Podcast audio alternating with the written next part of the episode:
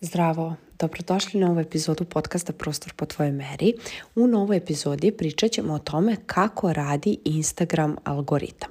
Zašto je ovo bitno? Zato što sada u programu Instagram za arhitekte sam dobila par onako rečenice, feedbackova kada sam pitala zašto nešto se desilo, pa kao znaš što je krivi Instagram algoritam. I onda sam, mi je sinula ideja, tačnije, da ipak ja objasnim malo i vama i njima sam, svojim polaznicima, kako tu stvar stvari funkcioniše Instagram algoritam.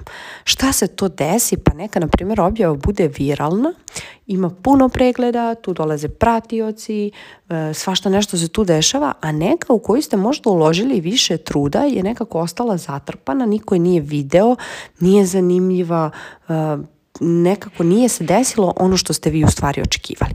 Pa ajde da vam objasnim kako to funkcioniše Instagram algoritam. E, postoje znači dve situacije, a od te dve opet se granaju dalje i sada ću vam to slikovito pokušati da objasnim. Ovako, ti objaviš neku sliku, neki video, znači bilo kakvu objavu i ona se prikaže 10% tvoje publike. Znači ako tebe prati e, hiljadu 1000 ljudi, sto ljudi će da vidi tu tvoju objavu. E sad, postoje sad dva, e, dve situacije. Prva situacija jeste da ako oni reaguju na objavu, znači like, komentar, čuvanje, deljenje dalje, sve, onda objava se pokazuje većem broju ljudi. E sad iz ove situacije postoje opet dve grane. Prva grana je ako i ti drugi reaguju, znači oni prikazuju na primjer sad 50%, sad će vidjeti još 500 ljudi, još 400, to je ukupno 500. Ako i tih 400 reaguje, Instagram nam daje priliku da nas vide i ostalih još 500, još 50% koji je ostalo, plus oni ljudi koji nas ne prati jer nas on stavlja na explore page i onda objava postaje viralna. Rastu nam sve brojke. Znači, bukvalno, ako prvi 10% reaguje na objavu, onda on pokazuje još većem broju i ako taj veći broj reaguje, on nas stavi na explore page i objava postaje viralna.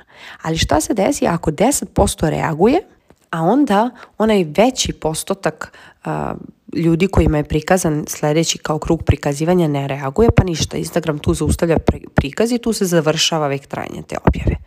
I to je to što se tiče ove dve grane u okviru prve situacije. E sad imamo drugu situaciju. Znači kada objavimo sliku ili video i on se prikaže 10% naše publike, ako tih 10% uopšte ne reaguje na objavu, Instagram odmah zaustavlja prikaz i tu se završava sve.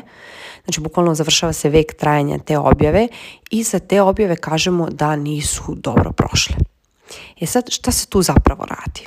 Nije publika ta koja je kriva za lošu prolaznost objava, niti algoritam je kriv, ne. Znači, bukvalo ništa od ovoga nije krivo, nego smo mi krivi. I to je dobra vest, odmah da vam kažem, zato što možemo mi da popravimo. Znači, ako smo mi krivi, mi možemo popravimo. Ako je neko drugi kriv, malo teže. Šta se desilo tu u stvari? Mi nismo objavili nešto što zanima našu publiku, to je jedna stvar, znači tema je skroz promašena, a druga stvar, nismo napravili dobar naslov koji će da ih zainteresuje da oni, na primjer, nakon što pročitaju taj naslov i ostanu tu da ne prelete dalje.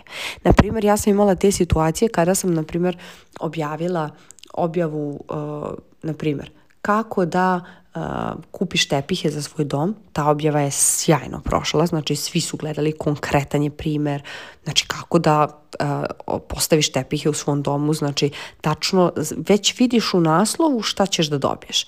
A imala sam situacije, na primjer, kako do bezvremenskog dizajna određenog dela stana, na primjer kuhinje, dnevne sobe ili šta već, ili na primjer bila je, bila je situacija kad sam pričala o tome kako treba da izgleda neki stan ili zašto tvoj stan nije idealan, ljudi se nisu konektovali sa tom pričom, sa tim naslovom, jednostavno e, bila sam previše abstraktna, a ne kao u ovom prvom primjeru gdje sam bila konkretna i oni jednostavno možda su bili umorni, nedovoljno zainteresovani, ali šta god je bilo, oni nisu kliknuli, to je to. I sad šta je dobro?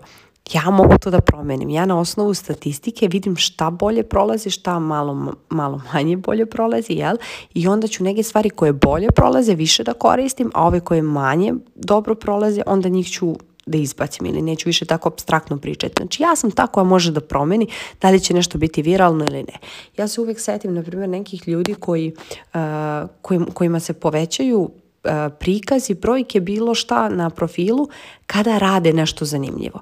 Često možete tu da uzmete travel blogere, znači oni kada negde putuju na neku zanimljivu destinaciju, njima se dignu pregledi.